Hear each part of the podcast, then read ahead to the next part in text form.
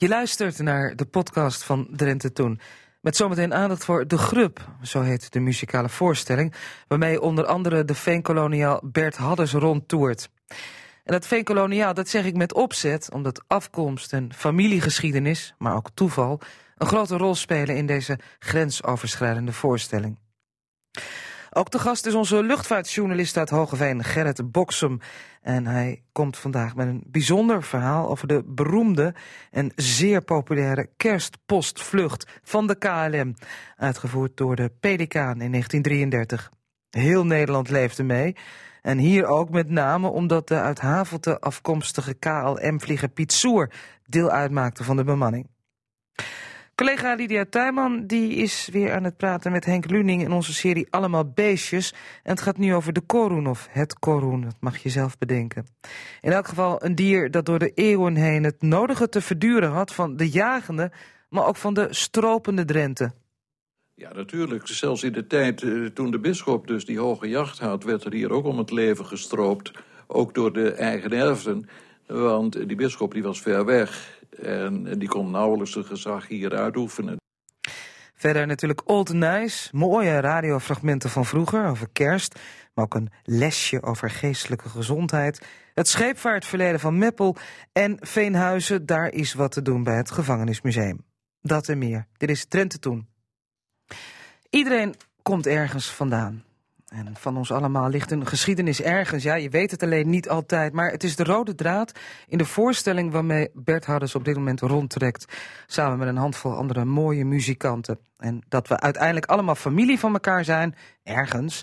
Dat komt er ook uit, maar dat heb ik misschien wel verkeerd begrepen. Bert Harders is hier. Welkom, Bert. Ja, dank je. Ja, waar je wortels liggen, oftewel waar je wegkomt... dat is iets wat je in je werk eigenlijk nooit verlogent, hè? Uh, nee, want het is een onuitputtelijke bron van, uh, van inspiratie. Voor iedereen, denk je? Of, Ja, of zeker. vooral voor jou? Nou, ze zeggen altijd, je moet dicht bij jezelf blijven als je goed wil schrijven.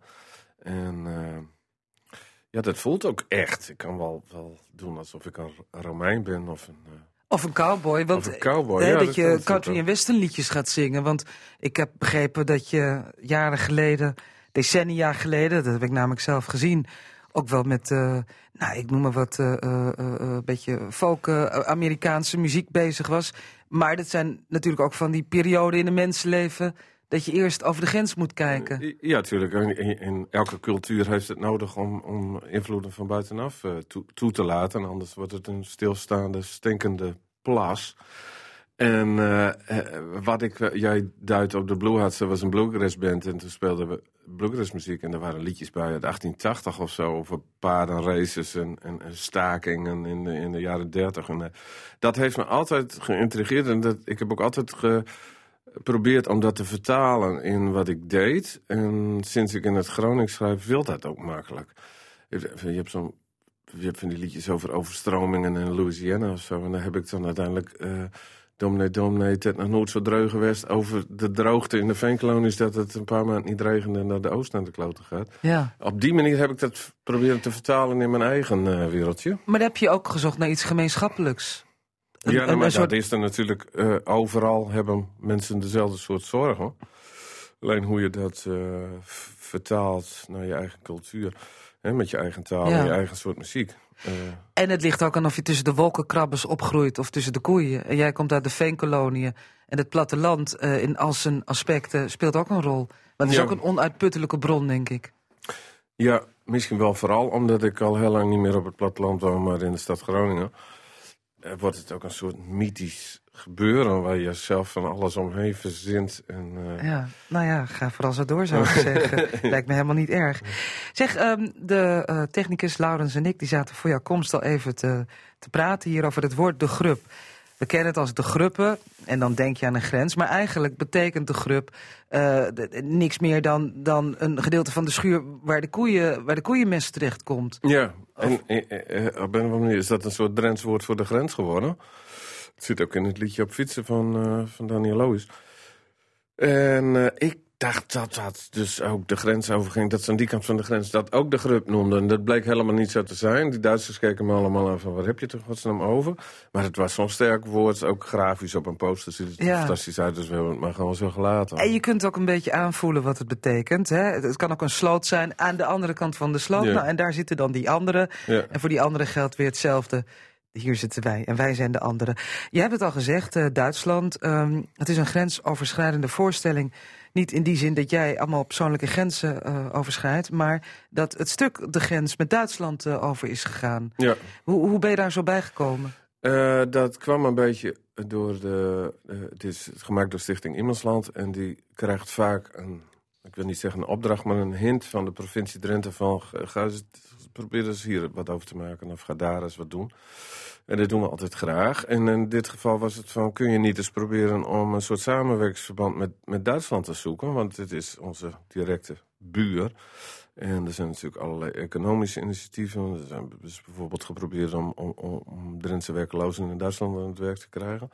Maar voor cultuur is het heel moeilijk. Er is wel eens ehm, een schilderij, een tentoonstelling of zo, beeld, beeldhouwkunst kun je natuurlijk heel makkelijk aan de andere kant van de grens laten zien. Eh, maar theater is al moeilijker. En, eh, maar ik heb altijd, muziek is heel vaak wel een soort eerste instap in een vreemde cultuur. En Ja. Je kunt muziek heel mooi vinden en daardoor geïnteresseerd raken in, een- in een andere cultuur. Dus daar komt het een beetje vandaan. Maar de reden dat je hier zit in Drenthe Toen, het ook een geschiedenisprogramma wil zijn, is dat het, eh, het stuk ook teruggaat in de tijd. En, en dat is nou zo mooi. En dan moet jij maar vertellen wat fictie is en wat, wat echt gebeurd is. Jij en Otto Grote, dat is ook iemand die meespeelt in het stuk, een Duitser, hebben een gedeeld verleden. Ja, ik, ik kwam. eh, ik was dus op zoek naar mensen in Duitsland voor, voor, voor dit project. En eh, Henk Scholten van, van Radio Noord die zei van... eh, ga maar eens mee naar Otto Groot in Bremen. En nog niet... Hij had het wel in zijn achterhoofd, maar had niet specifiek gezegd van... dat is iets voor jouw stuk. En toen hebben we een radio-uitzending gemaakt bij Otto in huis in Bremen. Die woont in een oude bunker uit de Tweede Wereldoorlog. Daar heeft hij allemaal gaten ingezaagd en ramen ingemaakt... en een heel mooi huis van gebouwd. Dus dan, ja, dat is al, vond ik al wel weer apart.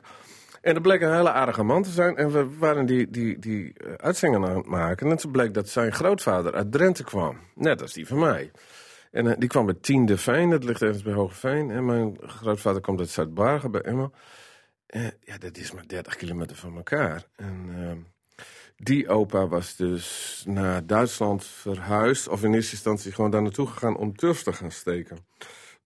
Terwijl ik altijd dacht dat Duitsers in Nederland kwamen terugsteken. Maar er bleek dus dat er een levendig verkeer was, de grens over. Want die grens bestond eigenlijk niet zo voor dat soort mensen. Je liep gewoon met je, met Ja. je, de, met je schop op de grens over. Je- Als daar werk was, ging je daar aan het werk. Ja, Nou, die man is aan een vrouw blijven hangen. Waarschijnlijk is dat de reden geweest dat hij daar bleef. En werd dus vervolgens een Duitser. Met alle gevolgen van dien. De rest van de 20, 20e eeuw verliep voor de familie van Otto Grote heel anders dan voor de familie van Bert Hadders.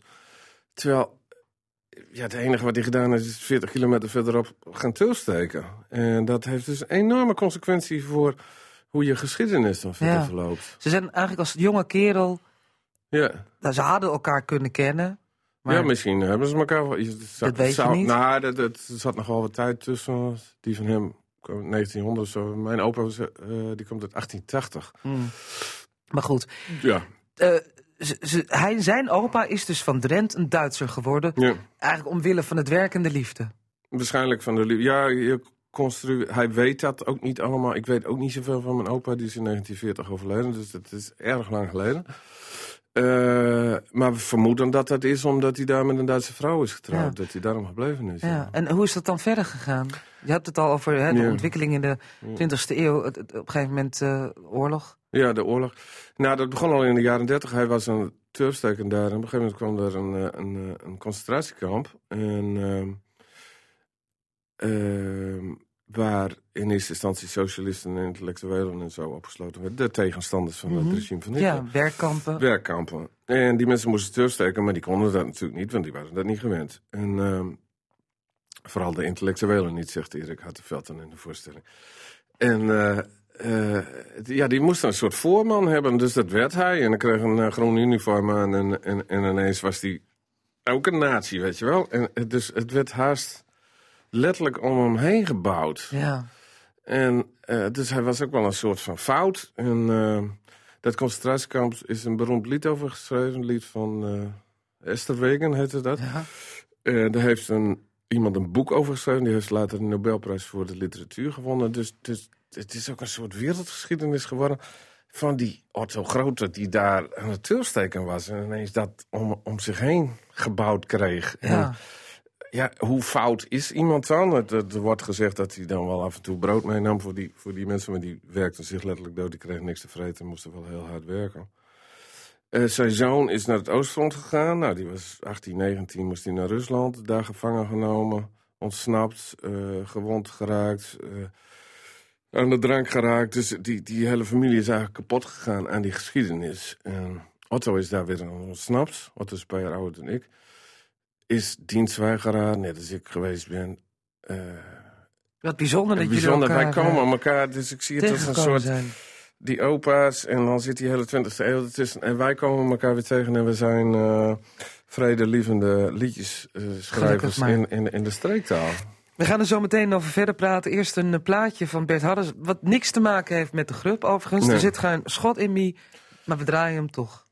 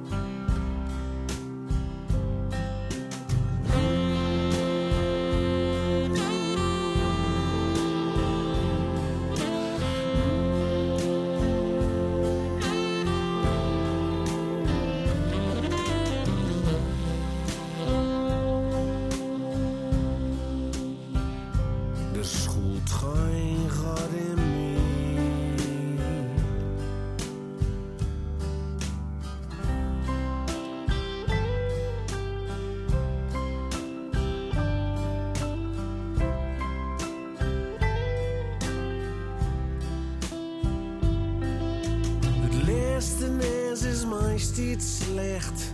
Wat krom is, wat hij nooit meer recht.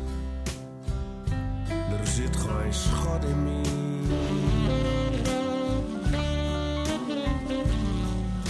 Het vaste pad van nachtsel dood.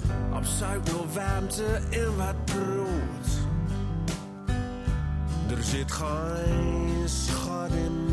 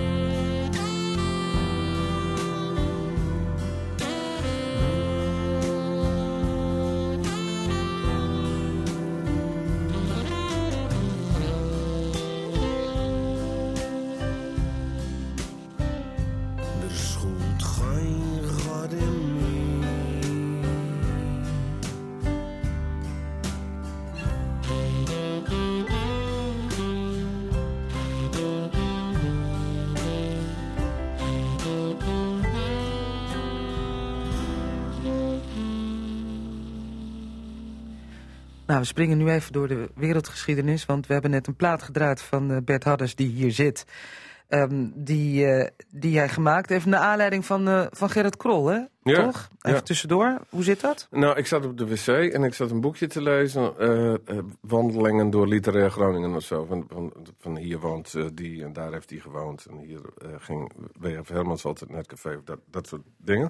En er stond een, een, een regeling van Gerrit Krol... waar ik nog nooit een boekje van gelezen had. Want die schreef over wiskunde. Werd altijd gezegd op de middelbare school. En ik, had, ik was een, niet van de wiskunde, zeg maar. Dus ik heb nooit een boekje van Gerrit Krol gelezen. En, eh, maar de dichtregel was, eh, er zit geen schot in mij. En dat vond ik zo'n fantastische uitdrukking. Want Je kent wel van, er zit ergens geen schot in, maar er zit geen schot in mij. Dus Ja. gelijk van de wc af naar de piano en een plonkje, plankje, plonkje. En, eh, en het liedje was er. Nou, mooi man. Ja. Hebben we net gedraaid. Goed, zometeen aan het eind van dit gesprek horen we Otto Grote. Maar ja, wij hebben de hele plaat doorgepraat, kan ik u vertellen thuis. Want dat verhaal van Otto Grote, dat is... dat, dat, dat hield niet op na de oorlog. Dat ging door. Dat is een ellendig verhaal. Ja. Over zijn grootvader, die dus... Nou ja, daar begint de familie Grote van zijn kant dan een beetje mee in Duitsland. Hè? Ja. Die grootvader die komt van Drenthe, gaat naar Duitsland, trouwt, wordt Duitser. Is dan op een, opeens kampbewaker. Ja. Zo gaat dat niet. Voorman. eh, ja. Eh, zo gaat dat. En, en dan vraag je af, eh, hoe, in hoeverre kun je als klein mens je daar tegen verzetten? Ik bedoel, je gaat, zoekt het niet op, het komt naar je toe. Het is ineens om je heen. Eh, zijn vader moest naar het Oostfront, nou die was 18. Eh, het was, nou laten we, hè, de laatste tien jaar van, of de eerste, nou zeg maar vanaf zijn kleutertijd in de nazi-tijd opgegroeid. In hoeverre heb je dan een Ja. eigen wil of een Ja. eigen mening? Je hoort de andere informatie niet meer, want die zitten, mensen waren allemaal al afgevoerd naar het kamp. Dus in hoeverre is dat dan? eh, ben je daar schuldig over? En, maar ja, je weet niet wat zijn man allemaal gedaan heeft daar. En die komt kapot terug. Eh, dat heeft natuurlijk weer invloed op, op Otto als kind. ja, en Otto is dan van de generatie die zijn ouders en grootouders bevraagt. Hè, eh, van, Ja. Wat hebben jullie gedaan? Ja, nou, dat was niet helemaal duidelijk wat die allemaal gedaan hadden. Maar het was, wat mij dan heel erg duidelijk was... hoeveel ellende dan ook een slacht of een, een daderfamilie heeft. Van, er zijn, de, de, slachtoffers hebben natuurlijk altijd zwaarder, maar... eh, Je bedoelt de familie van Otto Ja, nou, maar de Duitsers sowieso van, Ja. van, van hoeveel mensen, hè, die, die- al die bombardementen op die steden. En, en, en eh, ik heb bijvoorbeeld een boek gelezen over een enorme eh, zelfmoordgolf na de oorlog. Heel veel Duitsers echt gewoon, zo, in sommige stadjes, wel duizend mensen zich gewoon met de hele families zelfmoord pleegden. Omdat de Russen eraan kwamen en ze zo gedesillusioneerd waren in hun regime, wat hun dus 15 jaar lang eh, eh, voorgelogen had over hoe het, hoe het zat. Ja. Dat, nou ja, daar had ik nog nooit van gehoord. Maar dat, dat, dat schijnt dus enorm geweest te Maar wat zijn. een, wat een hoeveelheid eh, om in een muziekvoorstelling te stoppen. Want er wordt Zit er namelijk ook gelachen. ja, er wordt veel, veel gelachen. Eh, ik vertel dit nu omdat dat, ehm, eh, als je met zo'n stuk bezig gaat... je gaat research doen, je praat met elkaar, er komen allerlei verhalen... maar dat zit er allemaal niet in, maar dat zit er wel achter. Ja. En we hebben gewoon een aantal liedjes bij elkaar geveegd en een aantal nieuwe liedjes geschreven. Eh, Ik kan je een voorbeeld noemen hoe zich dat dan vertaalt. Het is een liedje van Otto dat hij als kind ehm, speelt op een plek waar een hele mooie natuur is. En, en dat hij dus later achterkomt dat het dat kamp is. Waar zijn opa dus gewerkt heeft. Maar wat inmiddels overwoekerd is en prachtige natuur is. Waar een kind met zijn fantasie eh, loopt te spelen in de, in, de, in de mooie natuur met mooi weer. Wat dus een heel schuldig, Armando zegt dan, het is een schuldig landschap Ja. is. En dat vertaalt hij dan weer in een heel mooi me- melancholiek lied. Dus, eh, Jullie hebben elkaar wel gevonden. ik, het is een hele, een hele korte tijd een hele goede vriend van mij geworden. Misschien ook wel juist omdat we zo gelijk heel diep gegaan zijn. En, Ja. eh, hoe zit het zo?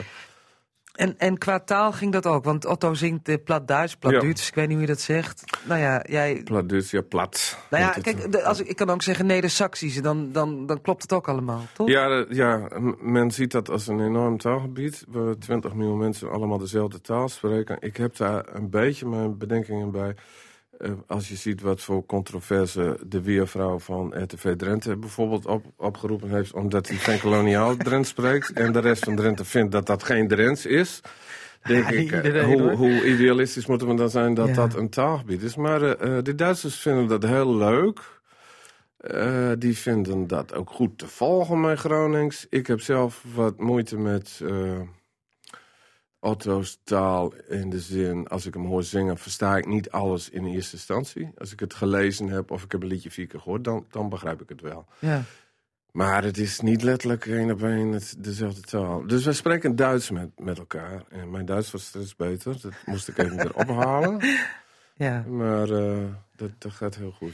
En het gaat goed, jullie kregen lovende recensies. Het verhaal eh, komt over, dat, eh, dat begrijp ik ook van de recensenten. Dus eh, ja, dat, hebben jullie mooi gedaan. Je, je treedt ook met goede muzikanten op. Wie? Een paar? Eh, Lex. Koopman, Marcel Wolthoff en Hans Las. Hans Las is een Duitser, maar een beetje een excu excuus-Duitser. Want we moesten natuurlijk ook wat Duitsers bij betrekken. Maar Hans Las woont al 25 jaar in Groningen... en is de beste vriend van Erik Hartenveld. En Erik Hartenveld, natuurlijk. Die kennen we hier bij Radio Drenthe ook heel goed. Ja.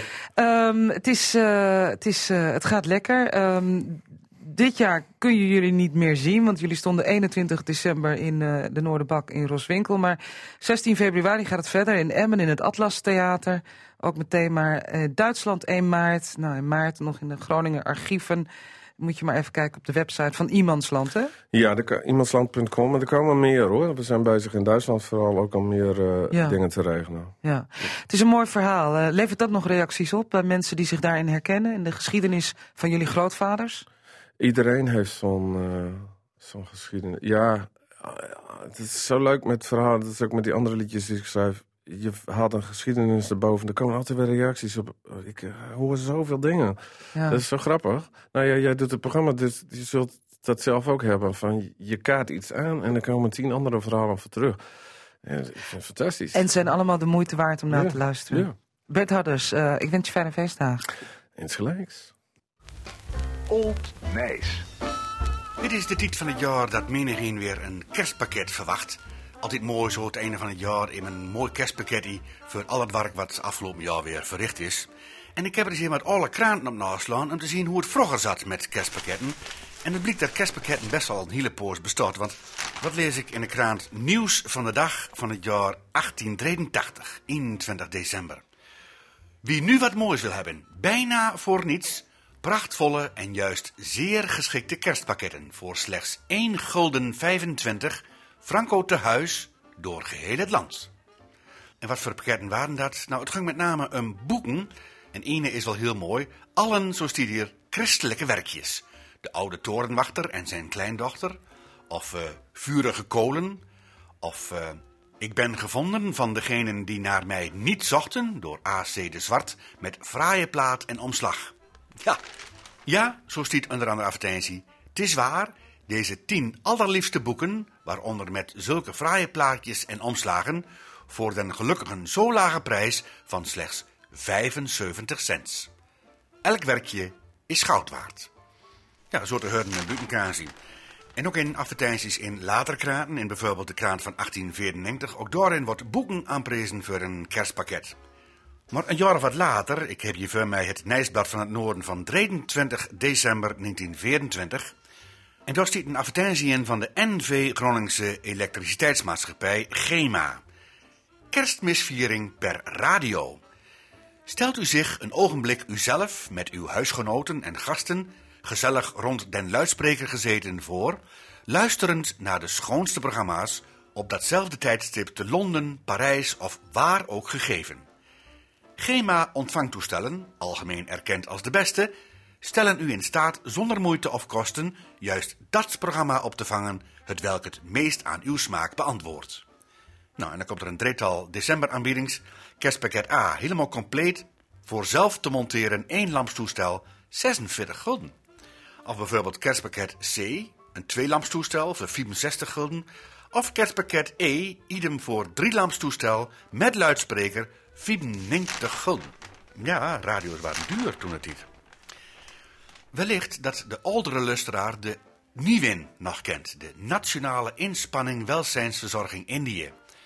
Dat was een particuliere organisatie die zich inzette voor de welzijnszorg onder de Nederlandse militairen in Indië. Met als slagzin: Ons hart is bij u. En dat lezen wij in het Nijsblad van Friesland van 29 november 1948, dus een paar jaar na de oorlog. De kerstpakkettenactie van de Nieuwin is met volledig succes bekroond geworden. Zoals men weet moesten voor deze actie niet minder dan 200.000 etiketten à 5 gulden worden verkocht, opdat ieder kerstpakket de naam en het adres van een Nederlandse afzender zou dragen. De laatste etiketten zijn thans per luchtpost naar Batavia verzonden, waar ze op de daar inmiddels gearriveerde kerstpakketten zullen worden geplakt. Als gevolg van deze succesvolle actie zal aan alle Nederlandse militairen in de overzeese gebiedsdelen, als mede aan alle aldaar verblijvende burgerpioniers, ter gelegenheid van het kerstfeest uit naam van het Nederlandse volk een kerstpakket kunnen worden uitgereikt. Dankzij deze gezamenlijke krachtsinspanning is het gelukt de benodigde 1 miljoen gulden binnen de tijd van 10 weken door het Nederlandse volk bijeen te doen brengen. Een knappe prestatie. Kerstpakketten dus voor militairen over zee. Maar helaas, kerstpakketten bent niet voor iedereen weggelegd. Dat is nou niet zo, dat was vroeger ook al niet eens. Want dat lees ik in het Nijsblad van het Noorden van 18 december 1979. CPN Groningen wil kerstpakket voor ambtenaren. De CPN-fractie van de Groninger Staten wil dat de provincieambtenaren voortaan minstens een kerstpakket krijgen. Het statenlid mevrouw H. Jagersma vraagt dit aan het college van gedeputeerde staten. Zij wijst erop dat het in veel particuliere bedrijven gewoonte is tegen het eind van het jaar het zij een kerstgratificatie, dertiende maand of kerstpakket te geven. Het provinciepersoneel kent dat soort emolumenten niet. Dat was 1979. Ik kan me niet eens voorstellen of de provincieambtenaren kreeg toch vast wel iets van een kerstgratificatie. En dat misschien wel dankzij mevrouw Jagersma.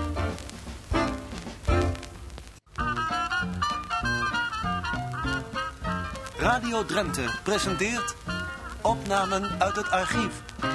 Ja, wij zijn toen ons eerder, eerste radiofragment uh, van deze uitzending. En uh, daarvoor gaan we terug naar 1979.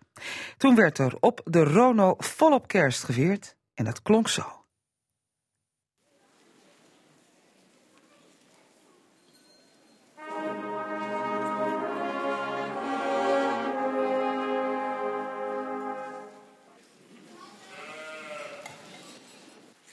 Ik u al medewerkers hartelijk bedanken voor dit geboden kerstconcert.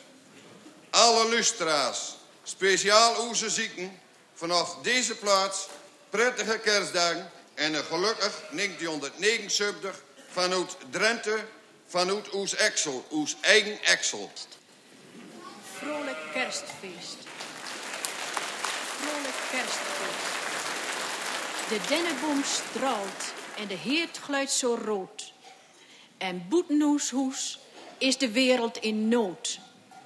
Want overal ontmoeten wij de ogen van het kind. In de ogen van haar die alleenig bent. Uit duizenden ogen vol angst en verdriet kijkt kerstkind ons aan, zonder woord of verwiet. En wij, wij viert feest in ons veilige hoes. Wij eet en wij drinkt. God heb meelie met ons.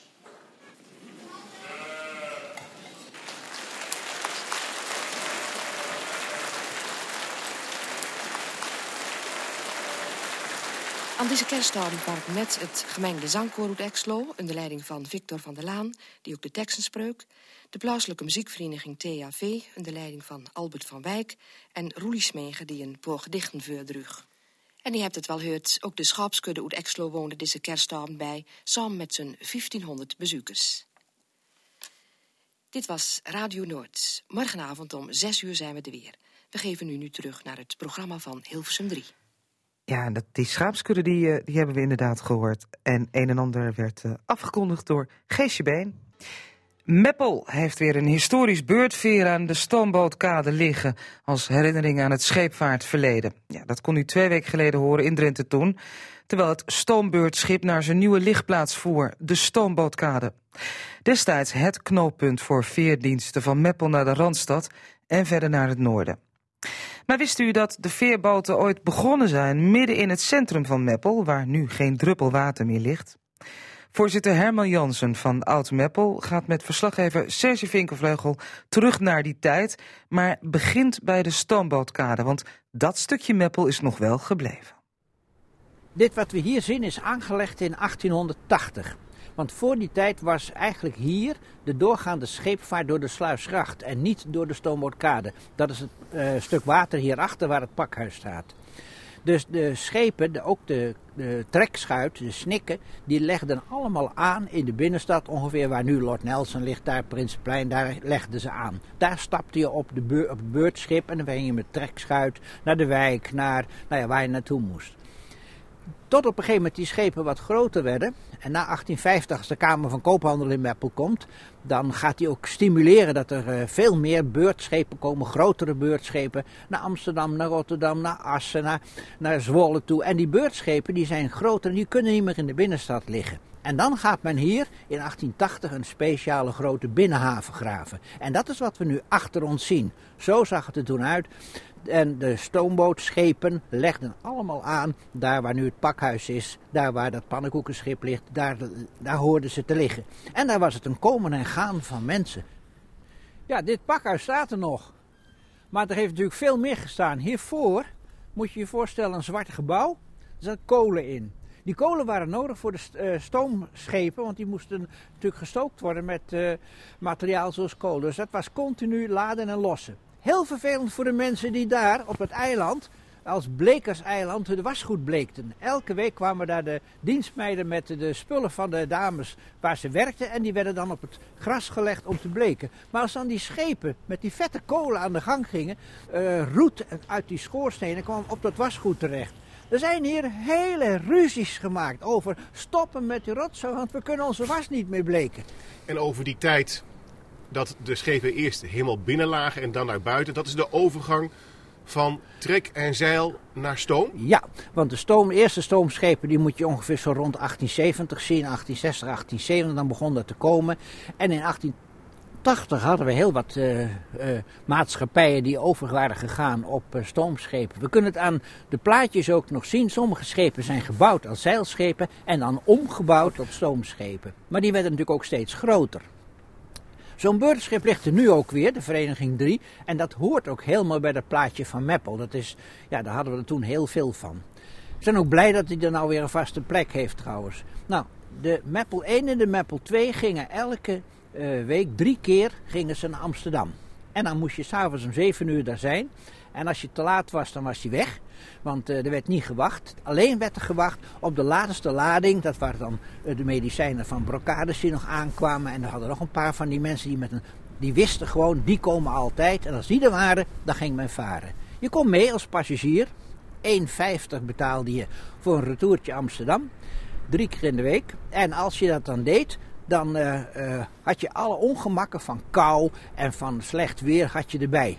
Dat is toch zeker gauw 8, 9 uur varen over de Zuiderzee? Ja. Dat was niet heel prettig soms? Nee, helemaal niet. Er is ook wel eens bij een storm is er ook wel eens een schip uh, gestrand, vlak voor uh, Pampus. Die raakte helemaal vast. En uh, op een gegeven moment was de storm zo erg dat ze tegen Pampus aanliepen. Hebben ze iedereen van boord gehaald. Die moest op het eilandje overnachten. Koud, helemaal niks. En de volgende dag was het zoeken waar is het schip gebleven. Dus het zijn niet altijd gemakkelijke, leuke tochtjes geweest. Maar goed, het was de enige verbinding met schip naar Amsterdam. En uh, dan kwam je ochtends aan achter het Centraal Station. Drie keer in de week. En we hadden ook twee schepen, de Paul Krugers, die gingen naar Rotterdam. Uh, totdat op een gegeven moment die schepen zo groot werden dat ze niet meer door de sluis konden hier. Dus in 1929 uh, hebben we de sluis vergroot. En we hebben gezorgd dat de, de schepen door de sluis heen hier nog konden blijven liggen. Maar dat hou je maar beperkt vol. Die schepen werden, bleven groter worden. Dus na de oorlog hebben we een nieuwe buitenhaven aangelegd, Prins Hendrikkade, want die schepen konden hier niet meer komen. En toen is het hier veel rustiger geworden, want de grote schepen lagen allemaal bij de Prins Hendrikkade. En nu, nu liggen ze, eigenlijk is de containerhaven de voortzetting, de zetenhaven, van de havenoverslagfunctie van Meppel. Nu zit het dus daar, ook weer naar de toekomst. Meppelendiep, grote werven, 4000 ton schepen. Ja, dat is uh, weer een ander, een ander verhaal. Ja, en passagiers vervoeren, dat is al lang historie. Want op een gegeven moment kwam er een auto een vrachtwagen. En, een toen was- trein, hè? En toen was het over. En de trein van 1867. Dan zie je dat Meppel ook opschuift richting trein. Dat wordt een hele zware concurrent. Dat is verbinding met de rest van Europa. Grote fabrieken gaan ook vlak bij dat station zitten. Dus de trein, de bus, de auto, ja, die verdringen natuurlijk de scheepvaart die voor die tijd ontzettend belangrijk was. En wat vinden jullie als oud-Meppel er nou van dat deze plek is hersteld? Het grote zeilschip, het pannenkoekschip lag er al. Dat er ook weer een beurtveer ligt. Ik vind het fantastisch. Wij, oud Meppel ook. Het maakt het weer een beetje, ja, het is nostalgie natuurlijk, maar een beetje het plaatje van het unieke wat Meppel heeft gehad. En wat we dus nog steeds zichtbaar kunnen maken voor de wandelingen, voor de als stadsgidsen, voor het verhaal, voor de scholieren. Je kunt vertellen hoe dit gegroeid is. Wij vinden het echt fantastisch dat dat schip er weer ligt. En dat zei Herman Jansen van de historische vereniging Oud Meppel in een bijdrage van Serge Vinkenvleugel. En let op, een uitgebreide videoreportage met prachtige foto's van ruim 100 jaar geleden en een vaartocht eh, met beurtveer de Vereniging 3 ziet u op de website van Drenthe Toen. Eventjes naar www.rtvdrenthe.nl en dan Drenthe Toen. Dit is Drenthe Toen en zometeen hebben wij nog te goed een Rono radioarchief. We bellen even met Veenhuizen, daar is wat te doen in deze tijd. En natuurlijk sluiten we af met Wiebe Kruijer. Maar eerst, Gerrit Boksem. We gaan praten over een beroemde kerstpostvlucht van de KLM. En kerstpost, ja, we zitten er net over te praten. Gerrit, welkom in de studio. Dank je. Wie stuurt er nog post? Nou, heel wat mensen, maar ook heel wat mensen niet. Het wordt steeds minder. Veel gaat tegenwoordig digitaal, maar in vroeger dagen was het iets waar de mensen zich echt op verheugden. Ook landgenoten woonachtig in de overzeese gebiedstelen bijvoorbeeld. In de decembermaand zagen ze rijkhalsend uit naar hun kerstpost uit het verre, verre vaderland. Een snelle postbezorging naar eh, de voormalige kolonie was dan ook van het grootste belang. Um, Gerrit uh, uit Hogeveen, Boksem, je bent uh, luchtvaartjournalist. Je bent wel vaker bij ons in de uitzending geweest. Met verhalen over luchtballonnen, straaljagers, als het maar vliegt. En vandaag ben je bij ons met een verhaal dat zich afspeelt begin jaren 30. En het begint met een wedstrijd tussen de zilvermeeuw en de postjager. En er zit ook een Drentse kant aan het verhaal. In de persoon van de bekende piloot Piet Soer uit Havelte. Maar Gerrit, begin vooral bij het begin. Ja, die, uh, die post was inderdaad vroeger nog belang, veel belangrijker dan uh, wij ooit uh, gekend hebben. En in de koloniën, die mensen die keken rijkhalsend uit naar, naar een mooie kerstkaart. En nu was er op dat moment een discussie gaande van hoe krijgen wij die kaarten bij die mensen in onze koloniën. De KLM-directeur toenmalig, Albert Plesman, die zei van dat kan gewoon met een lijnvliegtuig, die post. Maar er waren ook mensen die zeiden van nee, daar moeten speciale postvliegtuigen uh, ontworpen worden. En die mensen die hadden nogal wat invloed en die gaven de Nederlandse Pander vliegtuigfabriek opdracht om, uh, met, om een speciaal postvliegtuig te ontwikkelen. Die heette dan heel toepasselijk natuurlijk de postjager. En uh, die discussie tussen uh, Albert Plesman en die mensen van de postjager... die, die monden uiteindelijk uit in een wedstrijd tussen de postjager... en de door Fokker gebouwde Zilvermeeuw. Een ja. passagiersvliegtuig van de KLM. Ja, dat was in 1933. Ja, ja, precies. Een, een, wedstrijd, lange afstand post bezorgen. Ja, zo ja, kun je dat noemen. Ja, maar dat wedstrijdelement was al gauw verdwenen, hè? Ja, dat was... Uh, de postjager die zou als eerste starten op uh, 8 december 1933 naar Indië. Maar uh, die postjager die kwam al in Italië aan de grond te staan met motorpech. Uh, toen zag de Albert Plesman zijn kans schoon hè, met zijn zilvermeeuw. En uh, die, uh, maar daar, daar was, dat ging nog beroerder. Want uh, de zilvermeeuw die kwam niet eens van, van Schiphol weg. Het noodlot sloeg keihard toe. De linkermotor die deed het niet. En het duurde, zeiden de technici, 24 uur voordat dat ding weer gemaakt zou zijn. Ja, maar dan is het al 18 december. Ja. Dus de tijd uh, dringt. De tijd dringt. De tijd, precies. En daarom zei uh, Plesman, die zei van... ik pak gewoon een ander vliegtuig wat klaar staat. Hè, en uh, de Pelikaan, al die KLM-vliegtuigen hadden in die tijd een vogelnaam. De Pelikaan. En en daar gaat de, de bemanning snel overstappen van het ene, van het kapotte vliegtuig naar eh, de Pelikaan. Eh, de postzakken, 30 postzakken, snel overladen. En toen gingen ze van start. Ja, 30 postzakken. Ik heb van jou begrepen dat dat eh, 187 kilo post was. Maar liefst 31.000 stukken dus. Ja. Ja, iedereen Zo- stuurde natuurlijk een kaart naar familie. Zo populair was eh, het versturen van kerstkaarten in die tijd. Ja, goed, het werd dus de Pelikaan. Eh, van Zilvermeeuw naar Pelikaan. Dat, dat klinkt wat logger. Was het ook zo? Eh, het waren, on- het waren de- dezelfde type vliegtuigen eigenlijk. En eh, die, eh, dus, maar goed, in ieder geval, die, die, eh, die, die pelikaan, die kwam goed weg. Maar het zat toch weer tegen, want het weer was, eh, het was regen, het was ijsafzetting, kou, storm. En die mensen die, die, die, die vliegtocht naar eh, Indië, die duurde dagen. En die mensen, die, het was echt een, een opgave om die kant op te vliegen. Ja, maar de verwarming deed het ook niet. Nee. In, hè, dus eh, die, die, er waren twee piloten aan boord. Smirnov, ook een heel bekende naam. En de Havelter-piloot Soer. Ja. En dat Ja. is eh, onze Drentse invalshoek. Want Piet Soer, die, eh, die kwam met Havelte. Tweede piloot Piet Soer. Dat klopt. Eh, Piet Soer, dat was in de tijd, noemden ze de parel van Drenthe. Het was een, eh, als kleine jongen eh, noemden ze me ook wel de Pietje Bel van Havelte. Ja, Hij was dan? echt een qua jongen. Eh, durfde van alles, haalde allerlei kattenkwaad uit.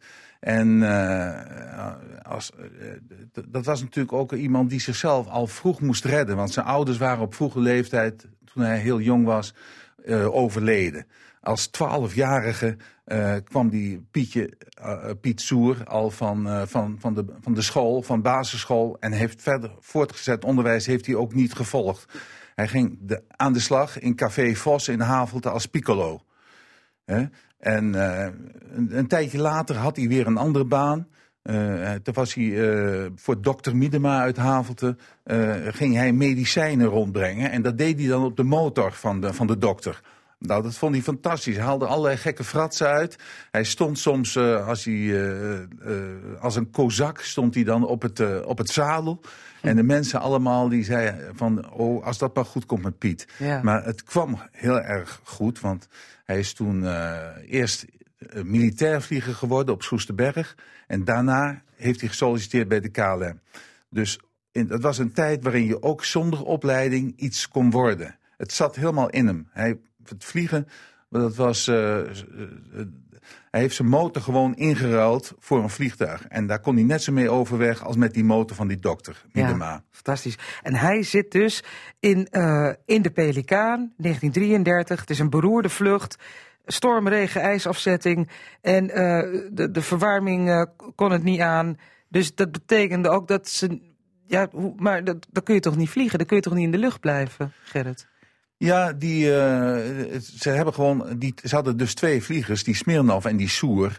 En die hebben elkaar gewoon afgewisseld. Eh, ze waren een tijd aan het sturen en dan, eh, als ze dan de andere, de collega het stuur overnam, dan ging de een achter het stuur weg. Die was helemaal stijf van de kou geworden. En die ging allerlei gymnastische oefeningen doen in de, in, in, in, in, in de, in de kajuit. En, en dan als de ander dan weer eh, helemaal bijna stijf bevroren was, dan wisselden ze elkaar weer af. Ja. Trouwens, ik heb begrepen even tussendoor dat, het, dat het, deze pelikaanvlucht op de voet werd gevolgd. eh, want, want er was een speciale verslaggever eh, aan het werk gezet eh, met pelikaannieuws eh, in, in de landelijke krant. Ja, eh. die pelikaan, dat was eh, onvoorstelbaar. die vlucht, die postvlucht was onvoorstelbaar populair. Je kunt het eigenlijk een beetje vergelijken met een eh, WK voetbal. Als Nederland dan in, een, in een finale zit, dat de hele Nederland, het hele Nederland zit mee te leven. En dat is eh, eigenlijk met die pelikaan was dat ook zo. Het, het hele Nederlandse volk via de radio, die heel veel mensen wel hadden dan, die zaten aan die radio gekluisterd om het nieuws eh, de laatste nieuwtjes van waar was de pelikaan, hoe ver waren ze op weg, ging het, ging het verder goed, eh, motorisch met het vliegtuig enzovoort. Ja. Die, hè, we- Nou, om dat aan te geven heb jij ons getipt op een plaatje, Gerrit. Wat gaan we, dat gaan we nu draaien. Wil je het zelf aankondigen? Dat ja, plaatje? was, eh, in die tijd was Bob Scholten, dat was een, eh, dat was een bekende zanger. En eh, die zag zijn kans schoon om wat extra platen te verkopen. En dat deed hij door een, op de actualiteit in te spelen. Dat, gaat nu, dat gaat nu met de Pelikaan, is het liedje waar Bob Scholten toen de tijd veel succes mee had.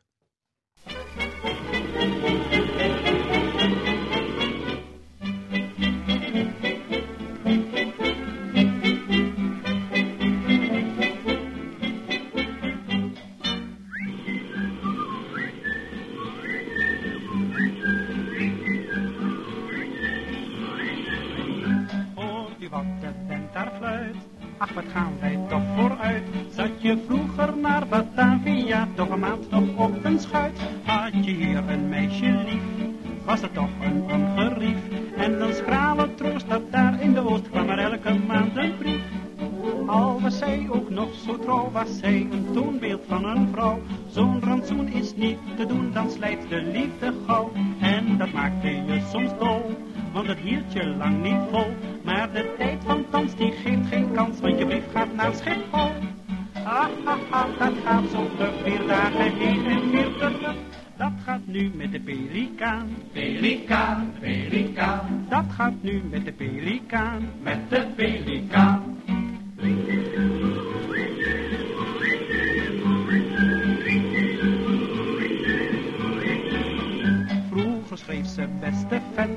Wat is Indië toch een end. Maar nu weet ze raad, ze gaat kort na op bezoek voor een weekend. Als ritje met de tram, pakt ze nu de KLM. Nu geen duizend kussen op papier, maar ze brengt ze zelf aan hem. Nu dacht pa en ma, bonjour, ik maak een kleine Java-tour. Het duurt niet lang en ik ben niet bang, met Smirnoff en met Soer. En dan gaat hij aan de rol, heel die kist met brieven vol. Neem de groeten mee, dag kind Ade, morgen vroeg daar op Schiphol. Ah, ah, ah, dat gaat zo vlug, vier dagen heen en weer terug. Dat gaat nu met de pelikaan, pelikaan, pelikaan. Dat gaat nu met de pelikaan, met de pelikaan.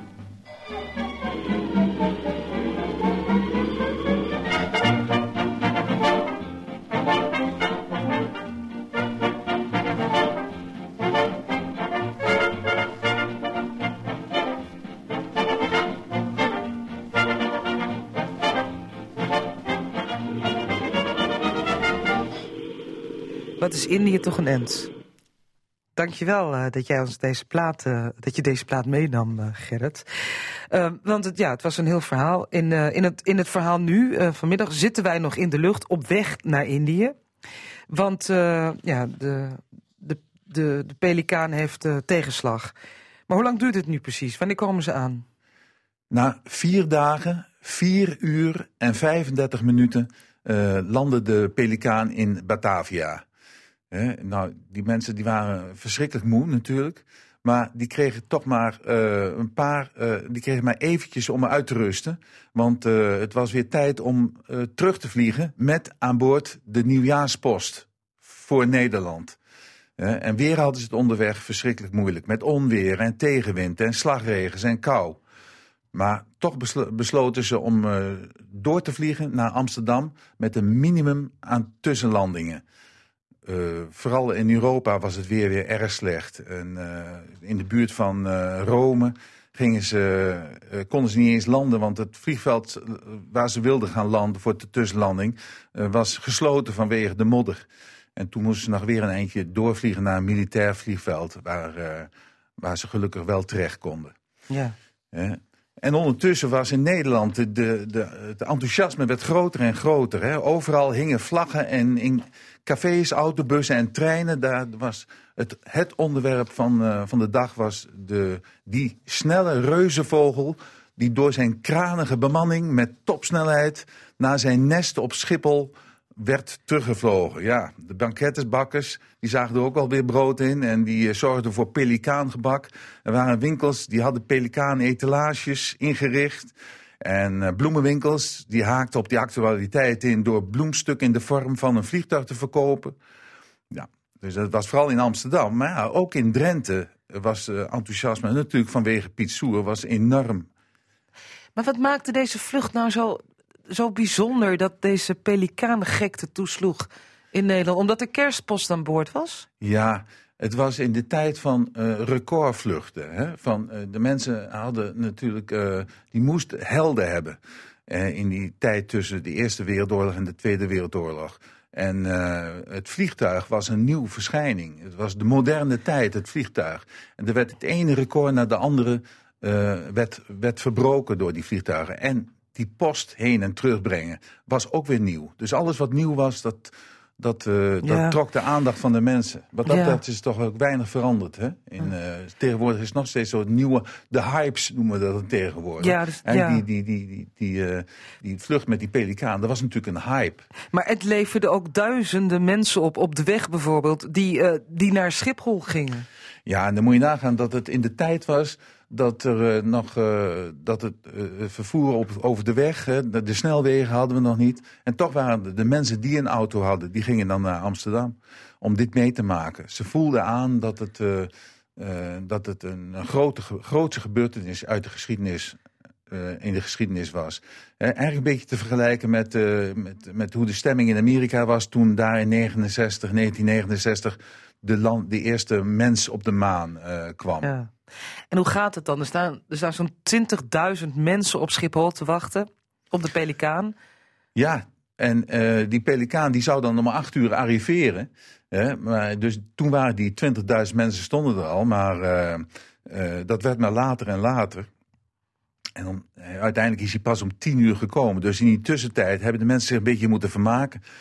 Nou, er was, in een hangar hadden ze allerlei lekkere hapjes te kopen. En eh, eh, ze hadden die hangar, want het was ijskoude decembermaand, hadden ze ook verwarmd. Overal hadden ze eh, de KLM kacheltjes neergezet om de mensen, dat de mensen een beetje konden verwarmen. Ja. En, eh, maar dan komt hij, de Pelikaan. Ja, en het, maar ja, het was mistig. En ehm, in die, het was echt onverantwoord om midden, om in het dichte mist te gaan landen. Dat zou niet goed aflopen. En eh, daarom was er al sprake van dat ze misschien zouden doorvliegen naar, eh naar Soesterberg. Dat zou natuurlijk voor die 20.000 mensen die er stonden een verschrikking zijn. Maar eh, gelukkig kwam het niet zo ver. Er was een gat in de, in de bewolking, zeg maar. Waardoor de, de, de vliegers toch, het toch lukte om te landen. Ja. Dat zal een, een warm welkom geweest zijn voor de piloten.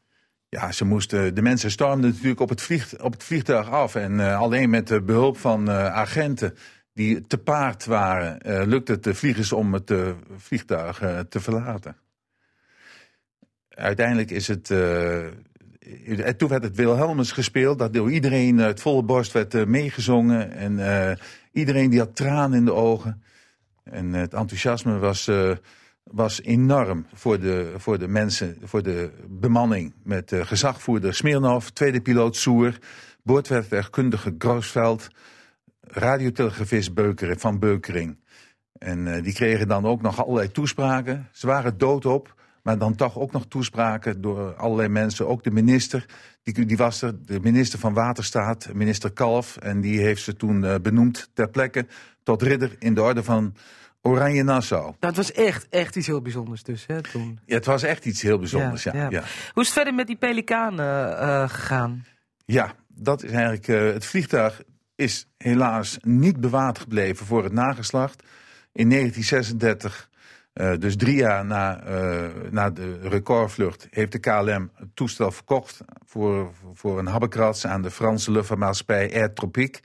En die heeft het eigenlijk direct weer doorgesluist naar Spanje, want er was op dat moment de Spaanse burgeroorlog eh, aan de gang. En eh, het is natuurlijk een heel triest eind dat zo'n prachtig mooi passagiersvliegtuig eindigt als bommenwerper en transportvliegtuig. Ja. En uh, uiteindelijk is het ook nog vernield tijdens een bombardement. Dus ja, het is, de, het, het, het, het, is de manier waarop in Nederland vaak wordt om, omgegaan met uh, vliegend historisch erfgoed. Hè. Dat is onlangs nog weer gebeurd met, die, uh, met de Catalina vliegboot, die ook zomaar uh, uit ons land is verdwenen.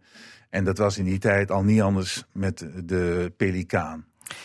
Zeg, en Piet Soer uit Havelte, um, hij, hij heeft daarna eigenlijk... Ja, het is een beetje triest om zo te eindigen, maar heeft helemaal niet meer zo lang geleefd, hè? Nee, want het was in 1935, dus dat was maar twee jaar na, eh, na de recordvlucht. Eh, Toen is hij eh, na eerst trouwens eh, heel uitgebreid in Drenthe eh, eh, in het zonnetje te zijn gezet. Hè? Eh, is is eh, Piet Soer, die is eh, met een andere KLM-machine, de Leeuwerik, gecrashed in Duitsland. En eh, dat, het, was, het was eigenlijk het gevolg van ijsafzetting op de vleugels. Waardoor hij niet hoogte kon eh, winnen, genoeg hoogte kon winnen. En eh, in eh, april 1935 in Duitsland tegen een grote heuvel is gebotst. Waarbij de hele bemanning om het, om het leven is gekomen. Ja. Slechts 35 jaar is Piet geworden. In het Sauerland was dat, Ja. die crash, ja. Piet Soer, goed. Ik denk dat veel mensen zijn naam zich nog kunnen herinneren. Gerrit, dank je wel voor jouw aanwezigheid in dit programma vanmiddag. Ik wens je fijne feestdagen. En eh, het goede nieuws is, we zien je in 2019, zien wij je terug... en horen de luisteraars je terug met nog meer mooie luchtvaartverhalen. Ik zie naar uit. En Dank ik wens je. jullie ook eh, goede feestdagen. Bedankt. Radio Drenthe presenteert opnamen uit het archief. Ja, wij zijn toe aan ons tweede stukje radioarchief De Rono. Lekker educatief bezig onder leiding van Hitje D. Schut. Vandaag een lesje over geestelijke gezondheid. Vroeger en nu. Lang was een gek door de duvel bezeten. En op kermissen kwamen ze voor een paar cent bekijken, opsluiten in een kooi. Nog ben Bijlrood en nog ben een naam die me op mijn liefsten fluistert. Maar aan de Bellestraat in Assen, vlak voor de ingang van Port Natal, stiet vandaag aan de dag een verkeersbord aan de weg. Hospitaal. Ziekenhuis. En al is soms moeilijk om in de verpleegde je naaste te zien... toch weet men dat ook zie van oes geslacht bent. Dat ook zie recht hebt op steun en liefde. En alle dagen zo klare dokters naar middel en medicijn om een klein stukje gewone wereld drukken te vinden, maak al die wondere gedachten. Psychiatrie, wetenschap van mensen met een zieke geest. Van al die dingen, nodig hem aan te begrijpen en te helpen, leert de maatschappelijke werkers. En men leert ze meer. Om te luisteren. Dat is moeilijk, want van nature bent er meer praters als luisterers. Wij gaan bellen met het gevangenismuseum in Veenhuizen. Want daar hebben ze zeer binnenkort een hele bijzondere activiteit. In het donker. Dat maakt het altijd spannender. Hallo, Kobi Luiting van het gevangenismuseum. Hallo. Ja, hi. Zeg, eh, we kregen een persbericht. eh, de titel was Kolonie bij Nacht. Wat zijn jullie daar van plan? Nou, het is zo dat eh, het museum, eh die gaat natuurlijk om vijf uur dicht. En dan eh, komt de kolonie weer tot leven. Dus vandaar kolonie bij nacht. Het is donker, eigenlijk is het uitgestorven, maar ineens zien we weer kaarsjes voor de ramen, vage verlichting, ja, wat schimmen en wat blijkt nou? Onze landlopers zijn weer teruggekeerd. Die nemen dus avonds weer het gesticht in. Ja, Dus, nou, ja. Dat, dat wordt dus vechten om een hangmat. En, eh, Ja, en, precies, en ja. weet ik veel eh, wat er allemaal wel niet gebeurt. Ja, dat klopt. Ja, ja het wordt heel spannend. En eh, als mensen komen, dan kunnen ze ook weer zien eh, nou, hoe, hoe die eh, eh, landlopers daar leefden in dat gesticht. Dus Ja. van bonen uitzoeken tot nou ja, een spelletje doen. Maar inderdaad ook vechten om die hangmat, want zoveel zijn er niet. Dus die moet je delen. Er zijn de landlopers op de hoogte van onze komst. En er is ook een landloperskoor opgericht. Er, Ja, er zijn ja. spelletjes eh, bedacht voor kinderen bijvoorbeeld. Ja, ook. Ja, ja. Nou ja, of ze helemaal voorbereid zijn. Dat is even de vraag natuurlijk. Dus dat kan wel een hele spannende ontmoeting worden. Ja, zeg, ehm, het is altijd goed van eten en drinken voor de bezoekers dan. Ehm, wa- waar kunnen we deze keer op rekenen? Nou, wat dacht je van een of andere landloperskostje? Dat is een bruine bonenmaaltijd. Ziet er niet uit, maar smaakt ontzettend lekker.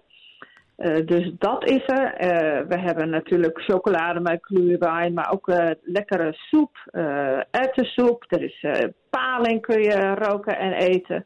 Dus er is eigenlijk voor iedereen wel wat. En voor kinderen hebben we bijvoorbeeld ook poffertjes. Ja. Vuren worden aangestoken, er wordt muziek gemaakt. Jullie hebben ook de muziekgroep Volk, die draaien we wel eens in dit Ja. programma. Met Ja. liedjes die echt over Veenhuizen gaan, hè? Ja, ja, dat is ontzettend leuk. Die passen daar natuurlijk heel goed bij. En eh, ja, daar, waan je ook helemaal in die tijd. Dus eh, wat dat betreft eh, komt dat helemaal goed. Dan hebben jullie ook kennis aan kapitein Toby, de schipper die op Ja, Veenhuizen voer ja. en verpleegden daarheen bracht.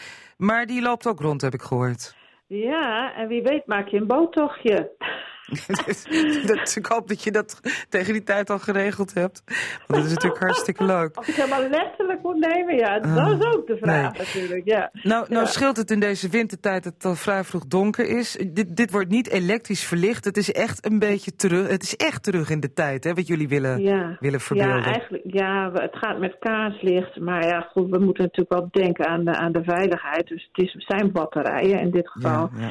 En hier en daar een oud schemerlampje. En ja, voor de rest, eh, eh, ja, wat van die vaccinelichtjes. Dus het, het wordt heel gezellig. Maar inderdaad, schaars verlicht. Je herkent het museum niet meer terug. Nee. Ehm, wat we nog niet eh, besproken hebben, Kobi, dat is wanneer het is.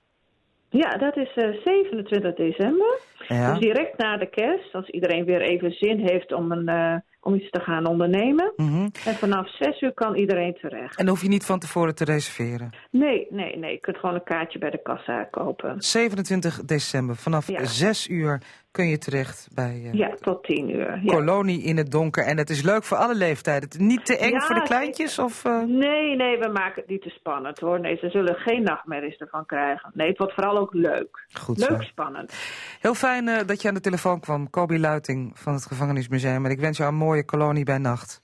Ja, dankjewel. En mooie feestdagen natuurlijk. Ja, ja jij ook hè. Bedankt. Dag. Ja, de kerstdagen liggen voor ons. Wij duiken vandaag in de geschiedenis van een smakelijk kerstgebraad. En die smakelijkheid werd ook deels de ondergang van het dier. Het korhoen, of de korhoen, mag je zelf weten. Het ligt voor de hand dat in Drenthe vanaf de vroegste ontwikkeling van het hoogveen korhoenders hebben geleefd. Het ontstaan van de later uitgestrekte heidevelden voegde daar nog eens een nieuwe natuurlijke leefomgeving aan toe. De oudste gegevens over het voorkomen van korhoenders in Dolde landschap vinden wij in de geschriften over jacht en jachtrechten uit de 16e eeuw. In landelijke geschriften worden ze al eerder genoemd. U hoort historisch onderzoeker Henk Luning. Bij de schenking van eh, het jachtrecht van koning Otto in 944 aan eh, de bisschop van Utrecht, dan eh, komt de hoge jacht aan de bisschop. De hoge jacht, dat zijn de herten, maar daar worden ook de korhoenders onder gerekend. De lekkere hapjes, zeg maar. Het betere Die, wild. Het, het betere wild was voor de heer. Het, eh, het gewone wild, dat was dan voor het, ook voor het gewone volk, zeg maar. Eh, dat was gekoppeld aan de grond, aan, aan de hoeveelheid grond die je bezat. En eh, wanneer de bisschop dus weggejaagd wordt, zo rond 1600, dan pakken de heren van, die dan te zeggen hebben hier in Drenthe, die pakken dan ook eh, de rechten van de bisschop. En die mogen dan ook op korhoender jagen. Dat is eh, slecht nieuws, denk ik, voor het korhoen. En dat valt dan wel mee, want ze kwamen hier in massa voor. Eh, dat wordt pas eh, in later eeuwen, wanneer de heide gaat verdwijnen. En, en dan wordt het anders. Dit eh, wekt ook het stropen in de hand, hè? want die, eh, die, die anderen die zien dat ook. Ja, natuurlijk. Zelfs in de tijd eh, toen de bisschop dus die hoge jacht had, werd er hier ook om het leven gestroopt. Ook door de eigenerven. Want die bisschop die was ver weg. En die kon nauwelijks zijn gezag hier uitoefenen. Dus, eh, maar als de heren hier in Drenthe het zelf voor het zeggen hebben...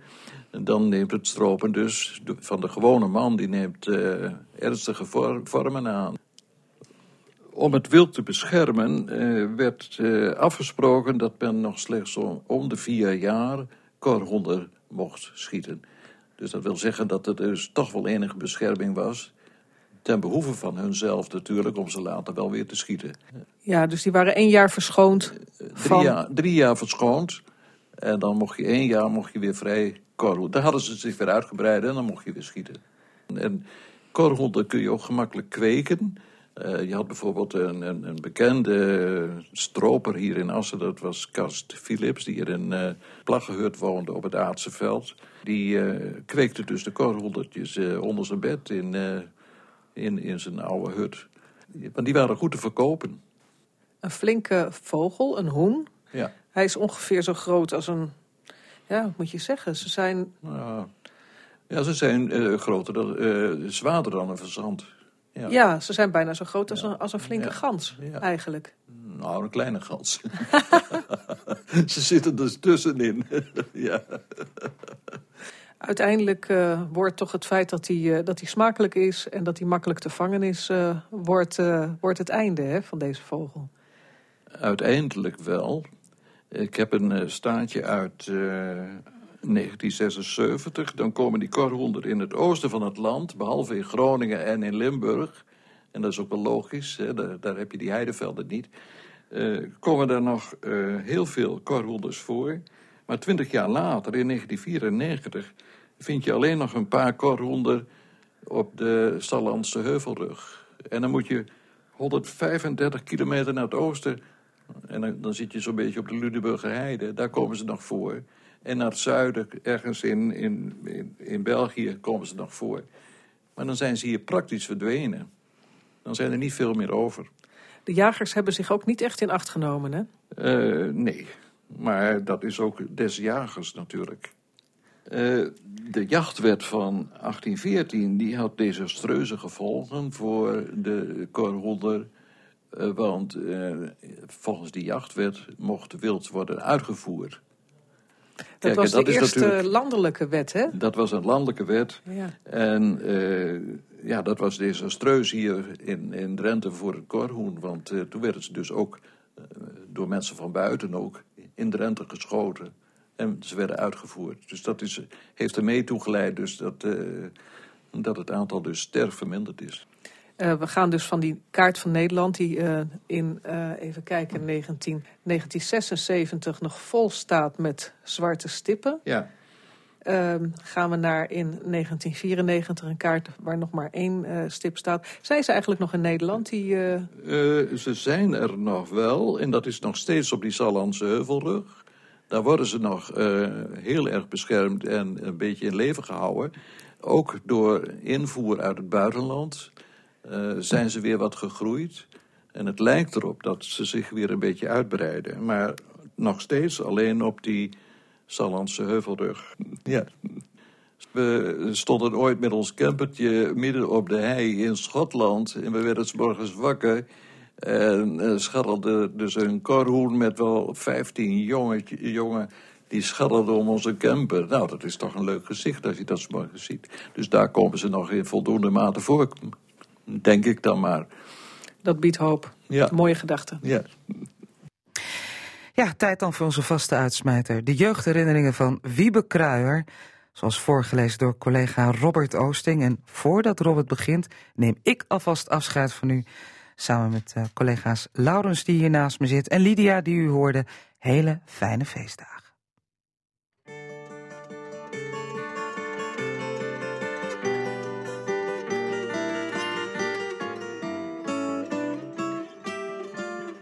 Warmteisolatie voor woningen was een onbekend begrip. Voor het nut van warmteisolatie had men in die tijd nog weinig oog. En centrale verwarming dat was alleen weggelegd voor de zeer rijken. Het was in de winter, en zeker bij zeer strenge vorst, dan ook overal koud in huis. Het kwam bij strenge vorst vaak voor dat de wollen deken op de plek waar je s'nachts tegenaan had geademd, s'morgens stijf bevroren was. Het lekkerste plekje in huis was winters de stoel achter de kachel. Ook in de woonkamer was het echter, als s'avonds de kachel uit was gegaan, gewoon koud. De luxe van een doorbrandhaard kennen we niet. En daar heb je trouwens ook antracietnootjes voor nodig. En wij stookten meestal turf. De ijsbloemen stonden s'morgens in de winter dan ook dik op de ramen. En de kachel moest eerst een behoorlijke tijd branden voordat het een beetje aangenaam in de kamer werd. Jarenlang hebben we onze kamer verwarmd met een zogenaamd potkacheltje. Het kacheltje was van gietijzer en van een eenvoudige uitvoering, zonder een beschermende ombouw. Als het goed werd opgestookt, dan werd het gietijzer rood gloeiend. Tegen etenstijd s'avonds hield ik met een vork wel vaak een plakje brood dicht bij de gloeiend hete kachel en kreeg op deze manier dan geroosterd brood. Soms legden we ook wel eens groene erwten, duivenboontjes of beukennootjes op de kachelplaat. Je kon je dan verbeelden dat je gebrande pinda's had, maar de smaak mocht daar natuurlijk niet bij worden vergeleken. Dit potkacheltje was ook zeer geschikt om er een keteltje water op te koken. Het plaatje aan de bovenkant van de kachel werd dan van de kachel gelegd en het zakketeltje kon dan diep in de kachel tot aan het vuur worden neergelaten. Het water kookt op deze wijze binnen de kortste keren. Ook zaten rond het plaatje nog twee ringen, die, als dat vanwege de grootte van een andere ketel of pan nodig was, ook konden worden verwijderd. Een groot nadeel van het potkacheltje was dat zodra het vuur doofde, het ook met de warmteafgifte was gedaan.